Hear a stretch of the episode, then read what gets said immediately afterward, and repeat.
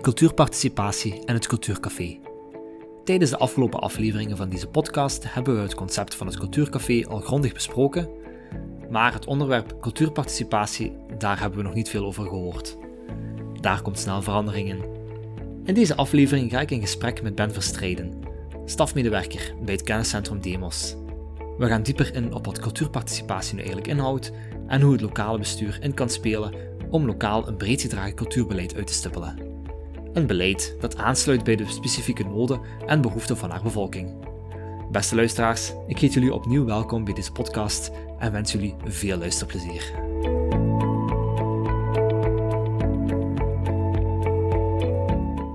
Bij de voorbereiding van dit interview heb ik me vooral laten inspireren door de visietekst van Demos, Lokaal Cultuurbeleid in Nabijheid. Jullie kunnen de bron van deze tekst terugvinden in de omschrijving van deze aflevering. Ik vind het een interessante tekst die het belang van een lokaal cultuurbeleid belicht, waarbij burgers lokaal meer betrokken kunnen worden om cultuurparticipatie te bevorderen. Het is ook een heel specifiek thema waar niet iedereen mee bekend is. Dus misschien is het een goed idee om enkele begrippen kort even uit te leggen. Normaal was het de bedoeling dat Ben deze begrippen kort voor zich zou nemen, maar jammer genoeg is het begin van ons gesprek niet goed opgenomen en daardoor onbruikbaar. Mijn excuses hiervoor, beste luisteraar. Ik zal mijn uiterste best doen om de twee begrippen duidelijk aan jullie uit te leggen voordat ik het woord aan Ben geef. We beginnen met de eerste definitie, namelijk wat is een lokaal cultuurbeleid? Om dit uit te leggen doe ik beroep op het decreet lokaal cultuurbeleid. Deze stelt dat een beleid steunt op de deskundigheid, strategische aanpak en participatie van alle actoren die streven naar een evenwicht tussen enerzijds de culturele behoeften en anderzijds het cultuuraanbod, ondersteund door de lokale overheid. Nu concreet gezegd wil het zeggen dat gemeentebesturen de regie in handen hebben gekregen, of in handen krijgen, van de Vlaamse overheid om een lokaal beleid uit te stippelen die beter aansluit bij de verschillende maatschappelijke problemen en contexten die plaatsvinden op lokaal niveau. Dit gebeurt samen met verschillende actoren in het veld, zoals bijvoorbeeld cultuurcentra, sociaal-culturele organisaties en natuurlijk samen met de burgers. We gaan zo over naar het tweede begrip, cultuurparticipatie. Wat verstaan we daar nu onder? Ik sprak net over een lokaal cultuurbeleid. Een cultuurbeleid hoort opgebouwd te worden met een gedeeld geloof in de waarde van cultuur, met een gedeelde verantwoordelijkheid om het recht op cultuur voor iedereen te garanderen. Iedereen heeft namelijk recht op cultuur, en iedereen verdient gelijke kansen om te kunnen genieten van cultuur.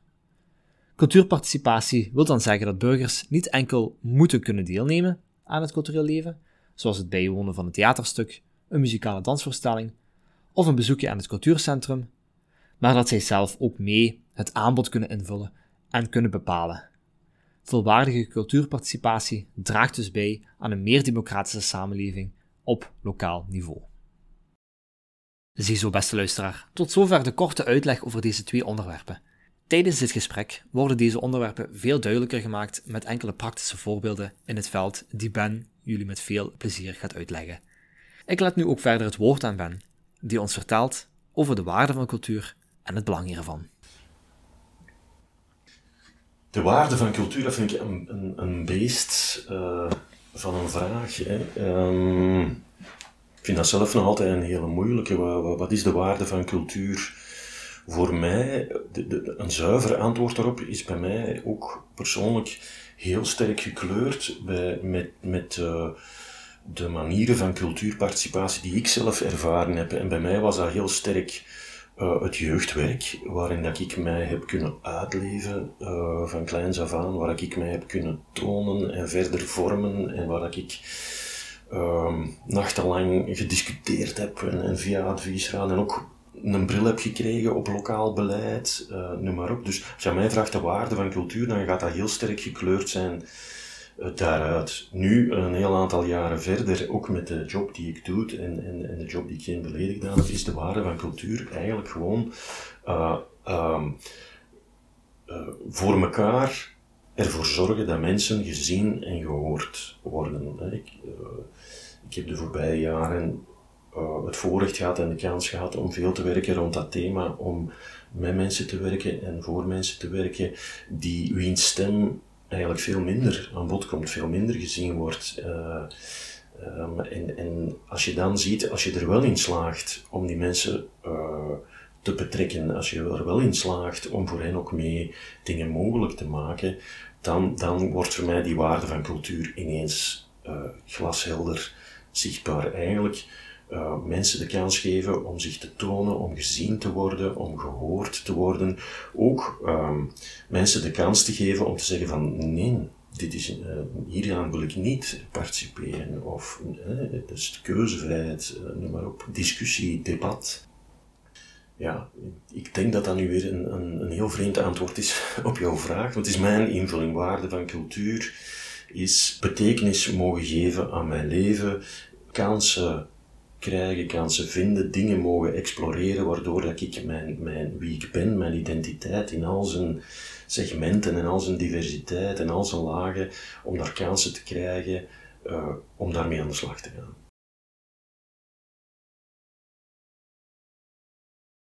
Dat heb je wel heel mooi verwoord, vind ik. Dank u. uh, ik zeg, ik vind het een super moeilijke, super moeilijke vraag. Ja. Ik denk dat het ook een klein beetje voor iedereen anders is wat de waarde van cultuur is. Maar zoals je het net zelf zei, de vrijheid om zelf te kunnen kiezen, de zelf om mezelf uit te drukken, de vrijheid om nee te zeggen, om ergens aan deel te nemen of wel om mee te deel te nemen. Ik denk dat dat wel enkele kernwaarden zijn. Ja, en, en natuurlijk, eh, je had het in de tekst gelezen, en als je kijkt naar, naar waarde van cultuur voor een maatschappij, uh, dan, dan, uh, dan lees je dat dat een socialiseerder is, dat dat heel verbindend kan zijn. Hè, als, je, als je aan cultuur werkt en aan, aan cultuurparticipatie werkt en, en, die waarde, wat is die waarde? Oké, dat is een verbinder, dat is een socialiseerder, dat, dat, geeft mensen ook competenties om, om, om te groeien, om, uh, om, om meer tot hun recht te komen in een lokale, maar ook hè, in de gemeenschap in het algemeen. Dat versterkt de maatschappij. Dat, um, hè, ook, ook daar is natuurlijk de waarde uh, van cultuur. Oké, dan zijn we rond bij de inleidende fase van deze podcastaflevering. Een vraag, Ben. Vandaag de dag zetten we eigenlijk meer in op zelfstandigheid voor het lokaal cultuurbeleid. Dat wil eigenlijk zeggen dat de Vlaamse overheid niet meer van bovenaf het beleid bepaalt, of een heel pak minder, maar dat er vooral ter plaatse een beleid wordt uitgestippeld die aansluit bij de plaatselijke context. Welke kansen zitten er eigenlijk voor zo'n beleid? Dat biedt sowieso veel kansen. Hè. Uh, beeldje het, het, het diametraal tegenovergestelde dat bijvoorbeeld vanuit een centrale overheid, vanuit uh, Brussel, Vlaanderen, um, een, een, een, beleid wordt uitgetekend dat inhoudelijk zegt van oké, beste cultuurcentra, beste cultuurverenigingen, beste, dit is wat wij willen uh, dat jullie doen, omdat we uit onderzoek uh, dat en dat en dat bepaald hebben en we gaan dat financieren en dat, dat, dat zou wel iets betekenen. Hè. Het beleid is ooit zo geweest. Um, maar dan, dat, dat geeft de lokale spelers te weinig hefbomen, te weinig uh, speelruimte om echt goed vanuit een eigen context, vanuit de eigen lokale context te denken van oké, goed, die, die sterke ideeën die van bovenuit komen, uh, die, die belangrijke beleidskeuzes bijvoorbeeld rond diversiteit en participatie, oké, hoe moeten wij dat hier bij ons nu, nu gaan doen. En met het, met het beleid zoals het vandaag is, laat Vlaanderen uh, veel ruimte voor het lokale niveau om dat te gaan uitzoeken in hun context. Dus dat vind ik, dat is sowieso uh, een kans en iets waardevols. Voilà, het laat ook toe om, om het zelf te organiseren.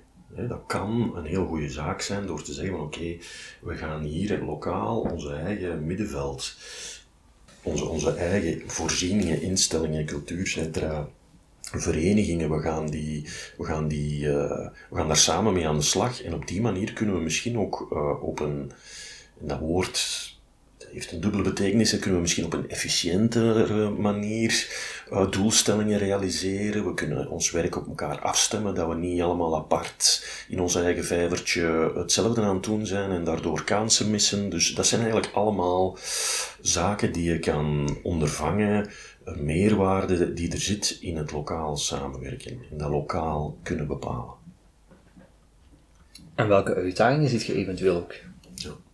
Die uitdagingen zijn er ook heel duidelijk. Um, ik ga dat nu misschien niet voor de podcast uh, historisch duiden, hè, hoe dat, dat beleidsmatig allemaal gegroeid is. Um, er is in Vlaanderen sowieso uh, de voorbije 30, 40 jaar zeer veel opgebouwd. Hè. Vanuit dat meer centraler beleid zijn er, uh, is er geïnvesteerd in infrastructuur voor cultuur. Cultuurcentra, cultuurtempels, plekken waar mensen hun ding kunnen komen doen, waar dat er dingen mogelijk zijn.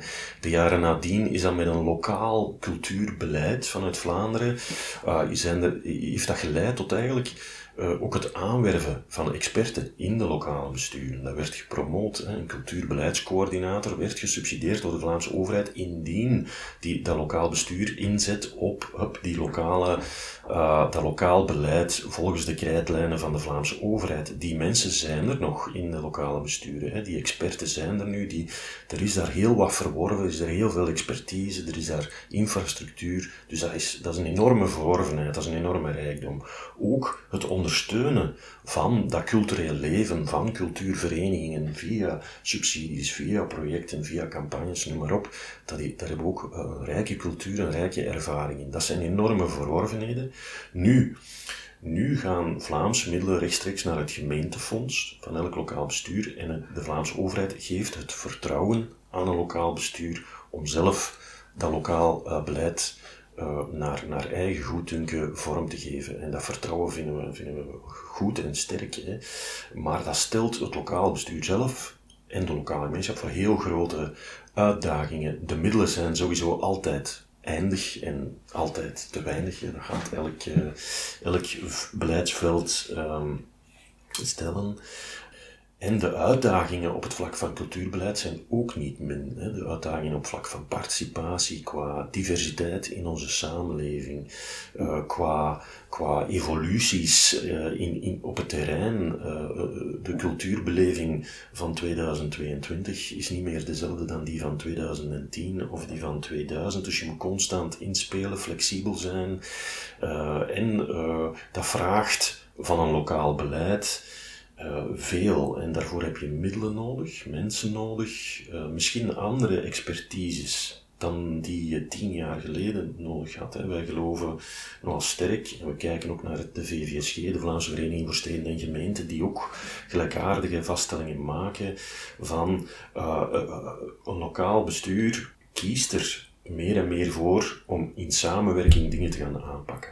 Een lokaal bestuur kan dit niet alleen de cultuurbeleidscoördinator, de programmatoren van een cultuurcentrum. In vele lokale besturen is er geen cultuurcentrum, is er een gemeenschapscentrum. En, zijn die mogelijkheden en is die expertise om al die processen te runnen niet, niet zomaar beschikbaar of aanwezig. Dus wat ga je doen? Oké, we gaan samenwerken. Lokaal, wie heeft wel bepaalde expertises in onze gemeente die, die, die meerwaarde zijn? Oké, hoe kunnen we samenwerken? Dus dat, dat zijn gigantische uitdagingen de samenwerkingen aangaan, daarvoor kiezen, daar echt voor kiezen. En uh, samenwerken, dat kan je beslissen.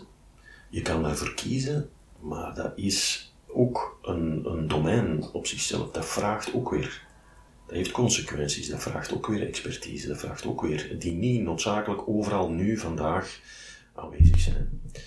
Uitdagingen, ja, financieel, middelen, mensen. En, en er, zijn ook, er zijn ook er zijn ook bedreigingen, hè. we moeten daar niet onnozel over doen. Hè. Uh, een lokaal bestuur kan soms noodgedwongen, maar soms misschien ook echt uit een politieke, ideologische keuze kiezen om, om bijvoorbeeld behoudsgezind te zijn en te zeggen van ja, uh, richten ons op onze cultuurcentra en op het programmeren en, en, op, en, en we gaan niet zeer breed, zeer ruim daar zitten bedreigingen. Ook het feit dat uh, als je kijkt naar het terrein, zonder te veralgemenen, hè, we hebben 300 lokale besturen en die zijn allemaal verschillend.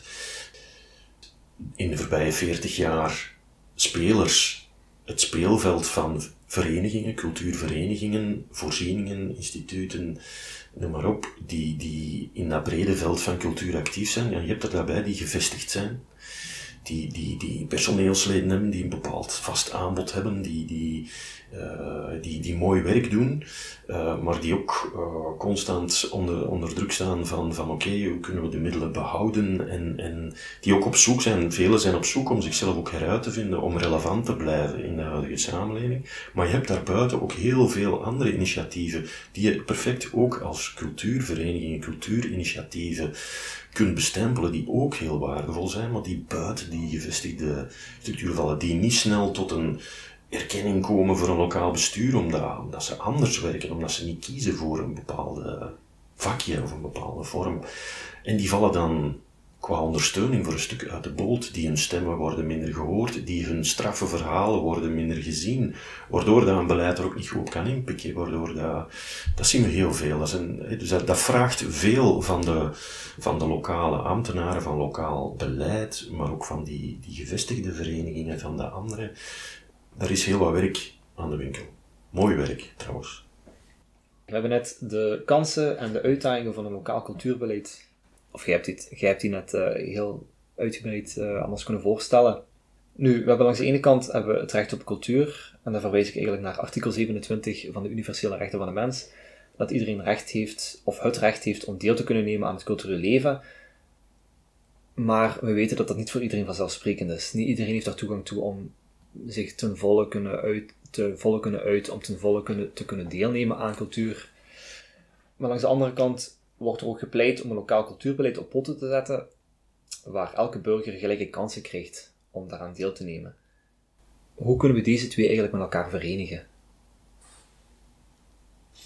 Mocht ik daar nu een heel helder sluitend antwoord op hebben, dan zou ik de gelukkigste man in, de wereld zijn. Nee, um, ik denk één dat dat wel hard werken is. En het vraagt vooral, het vraagt vooral, ik denk wanneer gaat, gaan dingen bewegen of beginnen bewegen, volgens mij wanneer meer mensen zien of, zich bewust worden van een aantal mechanismen die, die in, onze, in onze samenleving bestaan, die ervoor zorgen dat, hoewel dat in de grondwet staat en hoewel dat die rechten door iedereen erkend worden, dat die rechten toch niet gerealiseerd uh, zijn vandaag en, en worden. Hè. En hoe doe je dat? Hè? Uh, en dan denk ik dat we straks in de buurt komen van bijvoorbeeld jullie, jullie inzet op een cultuurcafé. Hè?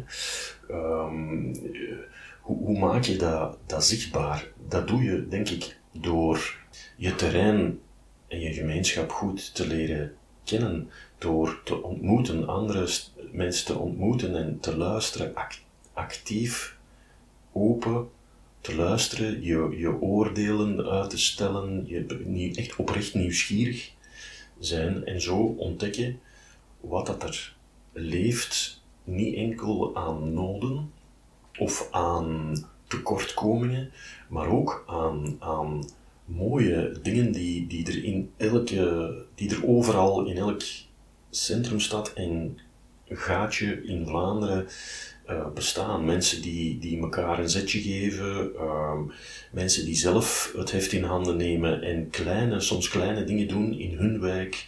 Uh, kunstenaars die, die op een heel eigen manier uh, die dingen doen. Dus zo, zo eigenlijk heel open uw terrein leren kennen en veel kansen op ontmoeting organiseren. De coronaperiode heeft dat, heeft dat enorm uh, duidelijk gemaakt of helder gemaakt. We hebben met Demos vorig jaar uh, verschillende gesprekken gedaan met mensen in armoede, armoedeverenigingen, met de, de ambtenaren die in die gemeenten de lokale netwerken vrije tijdsparticipatie uh, trekken en, en regisseren. Um, en daar echt verhalen gehoord en dingen gezien van oké, enorme creatieve reacties op die crisis, op ontmoetingen, op, op verbindende initiatieven die een verschil hebben gemaakt voor mensen die het moeilijk hebben, voor mensen die zich geïsoleerd voelden, voor mensen die zich niet meer gezien uh, voelden. En dat kwam heel sterk naar voren van, wij, zorg voor dat kleine ontmoeten. Wij vragen niet altijd um, dat de, grootste, uh, populairste uh, artiesten in ons cultuurcentrum komen en dat wij daar naartoe kunnen, uh, kunnen gaan. Wij, wij, vragen ook gewoon soms iets kleins. een picknick in de buurt, iemand die naar ons luistert, een koffieklets met, met een paar mensen. Die, die dingen zijn zo weer in het juiste perspectief geplaatst worden. Dat, dat, vragen mensen. Dus um, geef me nog eens even uw vraag terug, Enrico, van de, de tweesplitsing tussen een lokaal beleid, hè, toegang, uh, het recht hebben om deel te kunnen nemen aan dat cultureel leven.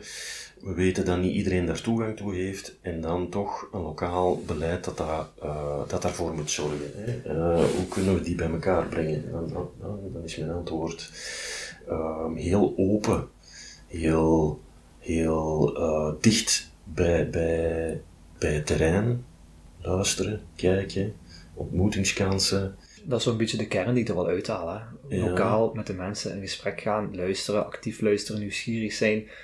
En eigenlijk informele momenten ook organiseren of er de ruimte voor geven om buiten de gestandaardiseerde ontmoetingsplaatsen waar, waar het zich allemaal, waar het zich allemaal afspeelt. In plaats van grote vergaderzalen af te huren en daar samen met mensen uit te nodigen om daar te komen, is het misschien ook een mogelijkheid om ter plaatse eigenlijk naar de mensen zelf toe te stappen en kleine ontmoetingen organiseren, ja. zodat de mensen met elkaar in gesprek kunnen gaan. Dat, dat is het, en wat je aanraakt is het zeker ook van, van wat heb je daarvoor nodig? Dat is in ieder geval veel breder kijken en veel verder kijken dan de, de structuren en de kanalen en de overlegtafels die daarvoor vandaag bestaan. Want daar kunnen we vaak van vaststellen dat die, dat die niet volstaan, dat die mooi werk doen en dat dat waardevol is sowieso, maar dat dat eigenlijk uh, niet, niet leidt tot grote, diepgaande, duurzame veranderingen op, op dat vlak. Daar is meer voor nodig. Hè. Dus op andere manieren gaan samenwerken en dan hoor ik mijzelf en mijn collega ook vaak zeggen als we lokale netwerken vrije tijdsparticipatie ondersteunen van uh, weg van, van de begrippen en de woorden vergaderen. We gaan het met een vergadering bespreken en aanpakken, maar in het woord bijeenkomst bijvoorbeeld, daar zit al veel meer zuurstof in. Hè, van, dat moet niet rond een vergadertafel, dat kan. Hè. We kennen lokale netwerken die, die, die al lang draaien en die, iets, die mooie dingen hebben opgebouwd en die, die bijeenkomsten zijn breed en creatief en, en vorm. En dat is, dat is een, bijna een, een café, zal ik zeggen. Kleine tafeltjes, elke bijeenkomst wordt, wordt afgesloten of gestart met kleine broodjes, lunch, mensen praten met elkaar, uh, project, uh, projectideetjes van oké zeg, ik heb u dat verhaal horen vertellen, wij zijn eigenlijk op zoek om in die wijk, kunnen wij... dus er gebeuren daar zeer veel mooie, toffe, krachtige dingen, maar dan is het echt zoeken van welke manieren werken er om, om die stemmen, ideeën te krijgen, storytelling, verhalen naar boven brengen. Hè ik herinner mij een heel fijn uh, voorbeeld in, in een gemeente in de Antwerpse Kempen, waar, uh, uh, waar er, het lokaal bestuur een nieuwe aanwerving had gedaan, een nieuwe directeur voor de Stedelijke Academie van Beeld en Muziek, nieuwe directeur. Die, um, en die persoon kwam, kwam van buiten de gemeente en had zoiets van, oké, ik ben hier nieuw, weet je, ik ga een kennismakingsronde doen met alle diensten en voorzieningen in de gemeente. Ik ga mij voorstellen als zijnde de nieuwe directeur. En die had één vraag mee naar die verkenningsronde. En die zegt van oké, wat vind jij dat de uh, Academie voor Beeld en Muziek in Westerlo moet betekenen voor de Westerlonaar? Hè? Gemeente Westerlo, denk ik dat het was. Um, en met die vraag is die persoon op gegaan. Is daar ook beland bij projectenhuis De Dreef um, die al jaren heel knap werk verzetten op het vlak van uh, participatie van mensen in een kwetsbare situatie, op het vlak van vrijtijdsparticipatie. En dat heeft die openheid, die, die, frisse, die, frisse, die ontmoeting, dat heeft tot, tot iets geleid. En die is in contact gekomen met, uh, met uh, jonge nieuwkomers die tot dan toe in die gemeente niet echt aansluiting vonden via bijvoorbeeld het bestaande jeugdwerk, via het bestaande sport, uh, sportwerk of via, ze vonden zijn plek niet en die uh, is met die, met, die, met die nieuwkomers aan de slag gegaan en dat heeft geleid tot een, uh, een zot project. Die hebben een soort in een opleiding binnen de academie rond houtbewerking en dergelijke, hebben die sprookjesfiguren gemaakt die in het Sprookjesbos, het wereldberoemde Sprookjesbos van Westerlo, zijn geplaatst, waar daar al decennia lang jonge ouders met hun, met hun kleuters naartoe gaan. Die beelden die daar stonden waren tot op de draad versleten. Zij hebben dat opnieuw uh, op hun manier, met die opleiding, uh, met die steun van de academie, de, uiteraard is het daar geopend met de nodige fierheid en de nodige dingen.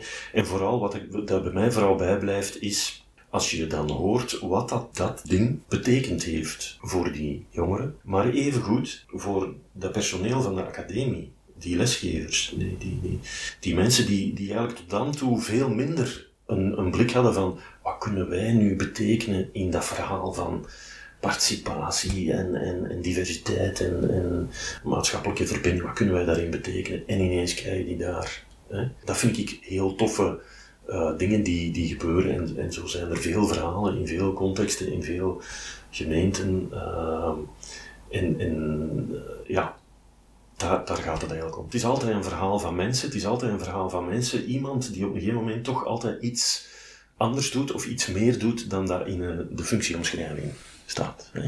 Pardon voor de uitgebreide. Nee, zeker niet. Heel, heel boeiend verhaal. Heel leuk om te horen zelfs ook. Het doet me goed om te horen dat er nog zo van die initiatieven erop bestaan.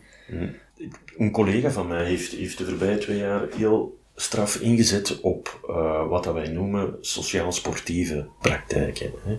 In, de, in, in de sportsector, in de sportwereld, um, beweegt, hè, beweegt er ook veel en zijn er ook noden. En daar zien we dat uh, dat er veel uh, andersoortige sportinitiatieven ontstaan die, waar dat je niet onmiddellijk, we, zijn, vinden etiketten sowieso niet zo fijn, maar ze, ze, ergens zijn ze er wel, hè, die je niet als een, als een sportclub zomaar kan bestempelen.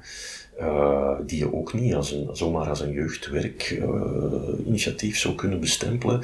maar daar zien we dat bijvoorbeeld uh, soms vanuit, vanuit een, een voorziening in de jeugdhulp of, of, of projecten of voorzieningen voor mensen met, met een beperking of mensen met een verslavingsproblematiek, dat daar sportinitiatieven ontstaan, omdat die, ze zeggen van ja, wij vinden onze weg niet in, in dingen en we beginnen en we doen zelf iets, want uh, sport is niet het einddoel van wat wij organiseren, maar, maar door sport verbinden wij onze mensen met andere mensen en kunnen, kunnen mensen zich uiten en, en ook waardevol voelen op, op dat vlak. Eh, eh, en zo, zo zijn er eigenlijk behoorlijk wat van die initiatieven in Vlaanderen. En we, hebben die, we zijn daar nieuwsgierig naar geweest, we zijn die gaan, gaan verkennen, we, brengen die samen. Vandaag staat, bestaat er in Vlaanderen een platform voor sociaal-sportieve praktijken. En ook dat is een manier om te zeggen van, uh, ook, ook, ook aan, aan uw lokale gemeenschappen en lokale besturen van, kijk, kijk breed, kijk verder van wat dat er op uw pleintjes, wat dat er in uw wijken gebeurt. Kijk naar wat dat er vandaag in uw gemeente is en wat dat werkt. En hoe kan jij dat versterken als bestuur?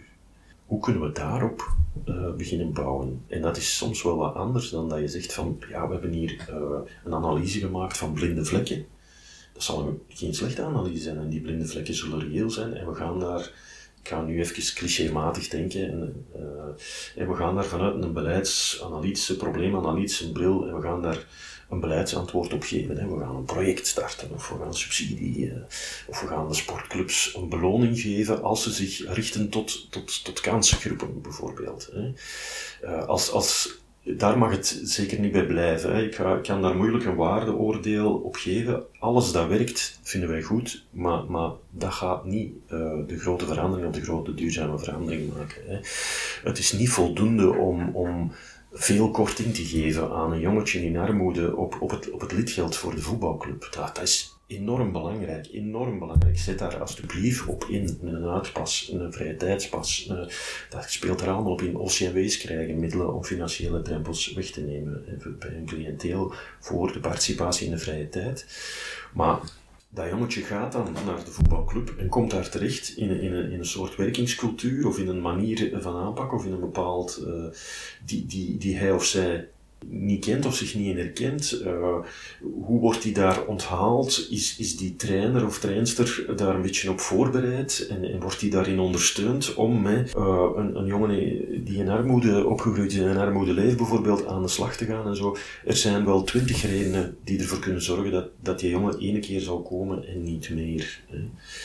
Dus dat, je moet omzichtig met die dingen aan de slag gaan. Je moet, je moet uh, als, als cultuurwerker, als, als, als beleidswerker, moet je je bekwamen en een zicht krijgen op van wat betekent het om in armoede te leven bijvoorbeeld. Je, je brillen op armoede, daar bestaan materiaal voor, daar bestaan vormingen voor, daar bestaan trajecten voor. Maar vooral denk ik dan, als je outreachend bent, als je open staat, als je je armoedeverenigingen en andere uh, verenigingen in je gemeente die andere doelgroepen bereiken die je zo graag erbij wilt hebben, leer die kennen. Leer die kennen op een manier, niet aan de vergadertafel, wat, hè, daar heb je gelijk in, maar ga er naartoe.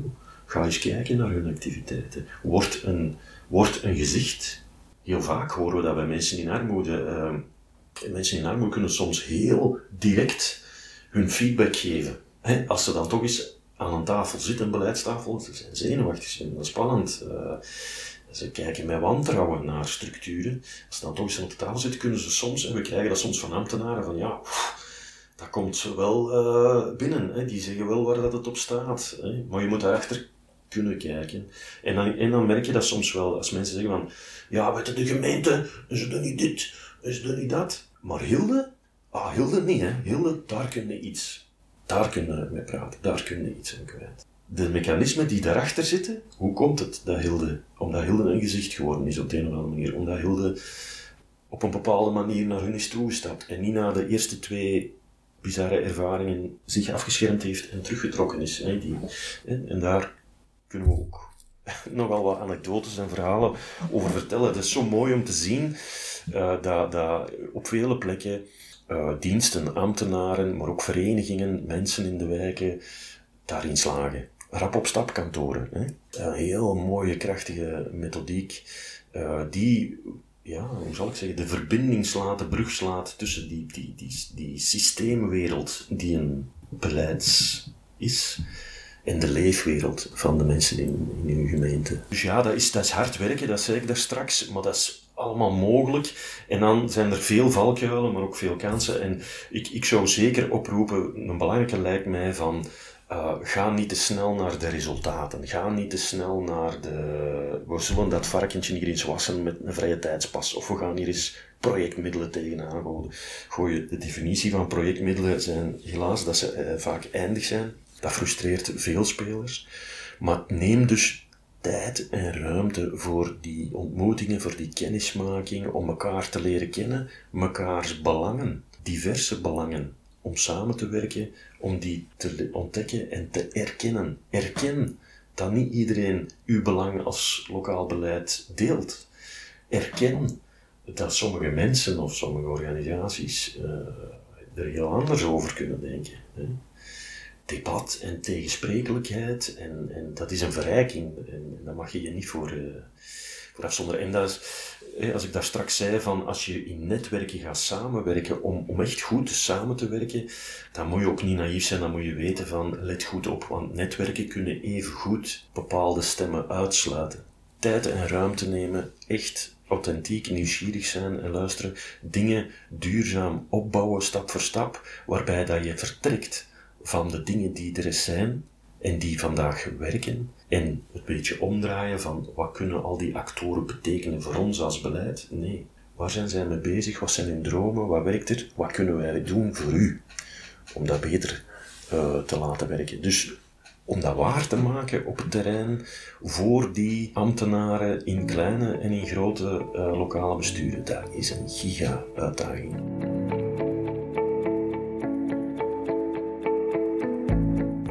Nog met u en Rico? Oei. Dat wel. Ja. Dat is allemaal heel boeiend. Ik luister ook graag. Dus. Ja, ja. Ik zit hier met een houding van, oh, laat het allemaal weer afkomen. Kom maar binnen. Daar leer ik ook veel van uit natuurlijk. Ja, ik vind het moeilijk. Ik vind het moeilijk van... de voorbeelden zeggen soms veel meer. Maar ik wil ook een beetje, die kaders zijn natuurlijk ook, ook belangrijk. Maar ik moet, hier, ik moet niet proberen vorming te geven in deze podcast. Hè. Dus, uh... Wat allemaal heel boeiend ben, wat je me allemaal net hebt verteld en wat je onze luisteraars ook hebben kunnen meedelen. Nu, bij Avanza hebben wij het concept Cultuurcafé bedacht. En daar willen we eigenlijk een actieve rol in spelen om mensen te betrekken bij het lokaal cultuurbeleid met extra aandacht voor de meest kwetsbaren in onze maatschappij. Welke rol of rollen kunt jij, ziet jij die wij daarin kunnen spelen? Er zit gewoon zeer veel in, hè, in dat idee van uh, cultuurcafé. Dus ik, ik, denk, eh, een speler als uh, Avanza of anderen ook, die daarop willen inzetten, dan denk ik van, je faciliteert met zoiets als een cultuurcafé, je faciliteert die gesprekken. Die, die tegensprekelijke gesprekken soms. Je, je creëert daarmee ruimte voor ontmoeting, een aanleiding voor ontmoeting, die er eh, misschien nog te weinig is. Door dat te doen en dat op te bouwen en die ontmoetingen te creëren, uh, word je misschien ook een soort vliegwiel ergens in, in, in, in die gemeenschap of in die gemeenschap. Een vliegwiel bedoel ik van de dingen die er zijn, helpen jullie daarmee versterken. Jullie geven daar meer aandacht. Je brengt dat naar boven. Je, je brengt verhalen naar boven die anderen kunnen, en dan kom ik op dat woord, die anderen kunnen met elkaar verbinden. Die ideeën met elkaar kunnen verbinden. Die, die soms bij mensen ergens een frank kunnen laten vallen van, hé hey, ja, hier was ik naar op zoek. En je, je, je kan daar heel straf mee inspireren. Hè. Je kan daar beleidsmakers mee inspireren, maar evengoed burgers, uh, evengoed mensen die het moeilijk hebben en die op zoek zijn Hè? Dus faciliteren, verbinden, inspireren. Heel mooi gezegd, dankjewel. Een laatste vraag ben. Bij Avanza botsen we soms wel eens op, of vaak eigenlijk, op het zogenaamd participatievraagstuk. Namelijk dat bepaalde groepen minder of geen aansluiting vinden in het bestaand regulier cultuuraanbod. Ik vind dat zelf een, een problematische vraagstuk, maar ik wil eigenlijk een beetje, ik gooi de bal eigenlijk een klein beetje in uw kamp, hoe, of in jullie kamp. Hoe kijken jullie tegen dat vraagstuk aan? Dat is een heel grote vraag. Hè. Eigenlijk, de, de, de dingen die, die we daar straks over gehad hebben, maken allemaal deel uit van dat participatievraagstuk. Hè. Hoe dat wij dat geprobeerd hebben, die grote olifant die dat is, hè, we hebben die geprobeerd in stukjes te kappen. Hè. Hoe eet je een olifant op? Hè? In stukjes. Um, dat is altijd slim. Uh, en we hebben daar materialen op ontwikkeld in samenwerking met actoren op basis van. Hè, uh, en, en we hebben dat gegoten in, een, in, een, in wat wij noemen ons participatiecontinuum. Dat zijn zeven strategieën waarmee je naar dat participatievraagstuk, waarmee je kan kijken van hoe kunnen we mensen laten deelnemen en deel hebben aan vrije tijd, cultuur, de gemeenschap in het algemeen. En dat gaat, ik ga de ladder hier nu niet uitleggen, die ga, die ga je zeker uh, uh, vinden, maar dat gaat van mensen horen, inspraak geven, dat gaat tot mensen goed informeren, helder informeren met alle info die ze nodig hebben om te kunnen participeren. Dat gaat naar toeleiden. Toeleiden wil zeggen van oké, we gaan de weg, uh, de afstand verkleinen tussen uw idee, uw vraag, uw nood en het aanbod. Dat gaat over werken rond drempels, participatiedrempels. Uh, welke zijn die drempels? Hoe kan je daarop inzetten? Hè, dus daar, daar hebben, dat zijn allemaal onderdelen van dat participatievraagstuk. Wat dat we kunnen ontleden, wat dat we materialen, wat dat je mee aan de slag kunt met die materialen. En dat evolueert zo verder van toegankelijkheid naar ook zaken als van, ja maar uh, het moet niet allemaal vanuit dat centrale gegeven komen. We kunnen ook samen gaan dingen maken, co-creatie, grote cultuurhuizen en artistieke huizen als de opera, um, als de Bijloken in Gent, vele, zoveel, uh, zeggen van oké, wij gaan in de wijk, we gaan, we gaan die nieuwe groep, we gaan daarmee samenwerken en we gaan, we gaan samen iets maken, co-creatie. En nog, uh, nog een, een, andere strategie die heel sterk op dat deel hebben gaat, is van oké, wij gaan bijvoorbeeld als lokaal bestuur, wij gaan ons cultuurcentrum, ons technisch personeel van dat cultuurcentrum, we gaan dat ter beschikking stellen van een groep inwoners, van een initiatief van een groep burgers. En we gaan hen de ruimte geven om hun ding te doen. Dus wij gaan dat niet in onze kaders invullen, we gaan dat niet op die manier. En zo kan je op die verschillende strategieën, en geen enkele strategie is uh, hiërarchisch belangrijker dan de andere of zelfs waardevoller dan de andere al die strategieën hebben op een bepaald moment hun waarde en daar kan je, daar kan je op inzetten. Je kan dat ook testen. Hè. Je kan bij jezelf gaan zeggen van op welke strategieën zetten wij bij ons in onze gemeente bijvoorbeeld eigenlijk veel in. En als je dat in kaart gaat brengen, dan krijg je daar een zicht op van oei, we zitten vooral hier, maar, maar daar, daar, zijn, doen we weinig mee. dus, uh, dus verschillende aspecten, uh, stappen, strategieën, processen, die allemaal een stukje van dat grote participatievraagstuk helpen wegwerken of, of, of opbouwen. Ik vond die ladder wel eigenlijk heel interessant, zo van, uh, met het continuum van deelnemen en deelhebben. We hebben een paar maanden geleden hadden we een een tweedaagse basisvorming voor ambtenaren, mhm. die trekkers van die lokale netwerken. En daar hebben we rond die ladder gewerkt. En dat, was heel fijn om te zien. Er zijn dus mensen lokaal die met dat lokaal participatiebeleid bezig zijn. En die, zeggen, die, die, die vragen, die zeggen, hoe pakken we dat nu aan? Hoe beginnen we dat nu aan? En we waren begonnen met de vragen die het, het duidelijkst en het helderst bij ons komen. En dat is drempels wegwerken. we hebben, daar, we hebben dat materiaal dat we daarvoor hebben en de tips en de, de voorbeelden, de praktijken, we hebben dat daar gebracht.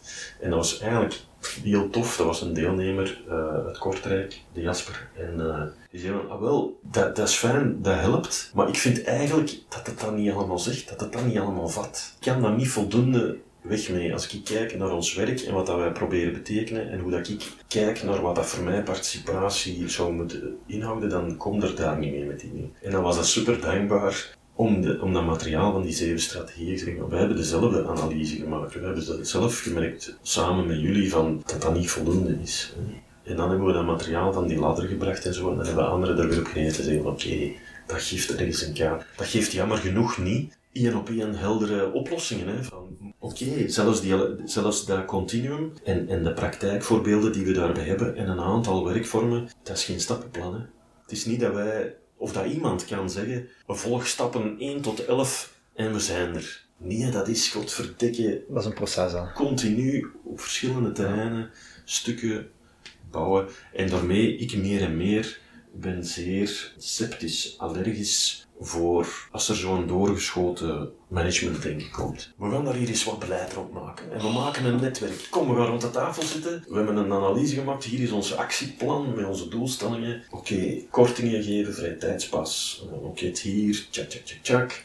Maar zonder dat, al hetgeen wat ik nu over had, en dat jammer genoeg zo met veel woorden en mm. wazig wordt uitgelegd, hè, maar die ontmoetingskist, uit uw bureau komen, openstaan voor andere ideeën en dingen, als je dat zonder al die dingen doet. Ja, dat is, ook, dat is eigenlijk zo vanzelfsprekend dat het gewoon ja. belachelijk is dat het, niet, dat het gewoon niet gebeurt. Dat ja, niet gebeurt. Iedereen zal dat ook die, die, die, diensten en die, die schepen en die, die, gaan ook allemaal zeggen, ja, ja, ja, dat is waar, dat is waar, dat is waar. Maar sommigen denken dat ze dat aan het doen zijn.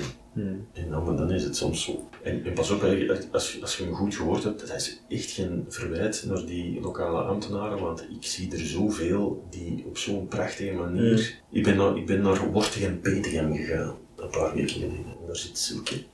Zij is jeugdconsulente, kleine gemeente, Vlaamse Ardennen, landelijk. 6000 inwoners of zoiets. En zij heeft toch ingetekend op het dossier om een lokaal netwerk vrije tijdsparticipatie te worden. Ze heeft toch gaan zoeken naar een armoedepartner. Die hebben geen armoedevereniging in Petting. Shit, met wie moet ik hier nu samenwerken? We hebben samen gezocht, zij heeft gezocht. En als zij nu vertelt van de dingen die ze op het terrein doet, ze gaan nu een vorming doen met netwerk tegen armoede voor, voor, haar, voor de ambtenaren in de gemeente om zo een zicht te krijgen op die brillen van armoede. Als ik zie en zij zei, tegen mij van, ben ik eigenlijk, ik ben diensthoofd jeugd en toerisme. Ze zegt, maar ja, toerisme, ik schuif dat eigenlijk voor een stuk. Want ik, ik kies hiervoor, al ik bedoel, ik kan toch niet alles doen wat dat er van mij verwacht wordt op al die beleidsdomeinen.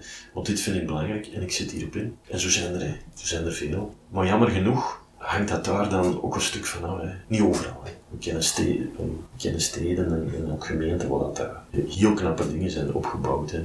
ja, en dan, dan, ja, dan, dan heb je geen hefboom als Vlaanderen. Hè. Elke gemeente kiest dat zelf voor. Dus je kunt ofwel geluk hebben als persoon van een culturele minderheid, of als een persoon in armoede, of als een persoon ja, met een psychische aandoening. Noem maar op, iemand die die kwetsbaar is en die ook gezien en gehoord wil, kun je geluk hebben met de plek waar je woont, of je kunt beginnen. En dat zou eigenlijk, dat zou eigenlijk niet mogen. Hè? Nee, dat zou eigenlijk niet mogen. Hè. Ja.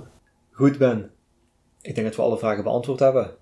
Ik denk dat het ook duidelijk is aan de luisteraars wat het lokaal cultuurbeleid wil zeggen, wat het wil zeggen, of wat we verstaan onder cultuurparticipatie en welke rollen een sociaal-culturele organisatie gelijk Avanza met het Cultuurcafé kan betekenen om daarop in te spelen. Dan wil ik u van harte bedanken om me hier te ontvangen in Brussel en ik hoop tot in de toekomst. Ja, dank u wel. Als ik mag, zou ik ook aan, aan, aan jou en aan de luisteraars ook wel nog uh, merci willen zeggen voor de kans om, om een stukje van ons verhaal te brengen ik, ik weet niet of ik erin geslaagd ben hè, om die helderheid te geven die je, die je zegt. Maar gelukkig hebben we ook wel tekstmateriaal, hè, waar we dan beter de kans hebben om woorden te wikken en te wegen. Voilà, maar uh, ik, ik wens uh, jullie met Avanza, met uh, het Cultuurcafé en met jullie inspanningen op dat vlak op die hele schone opdracht van cultuurparticipatie heel veel succes. En uh, wij staan, uh, wij staan uh, tot jullie dienst en om ergens, als we kunnen, mee te ondersteunen. Hè. Dus bedankt voor de gelegenheid. Super, dank u wel.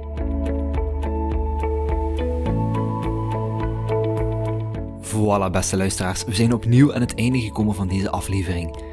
We bespraken uitgebreid de kansen en uitdagingen van cultuurparticipatie, gekleurd met enkele inspirerende voorbeelden uit de praktijk. Wat kunnen wij als sociaal-culturele organisatie betekenen voor de deelnemers van het Cultuurcafé?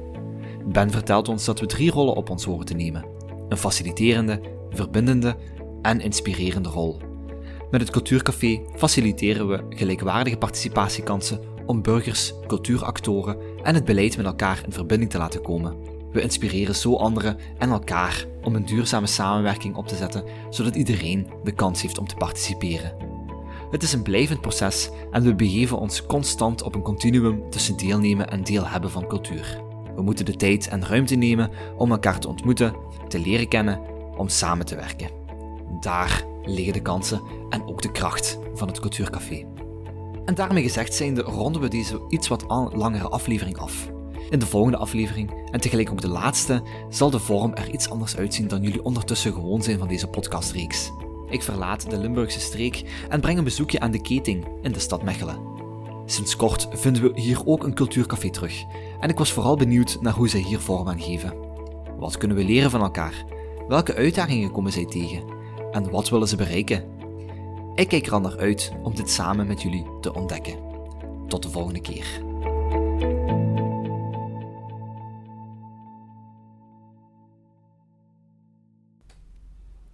Nieuwsgierig naar meer? Beluister dan ook onze andere maatschappelijk relevante podcasts via avansalimburg.be of jouw favoriete podcastkanaal.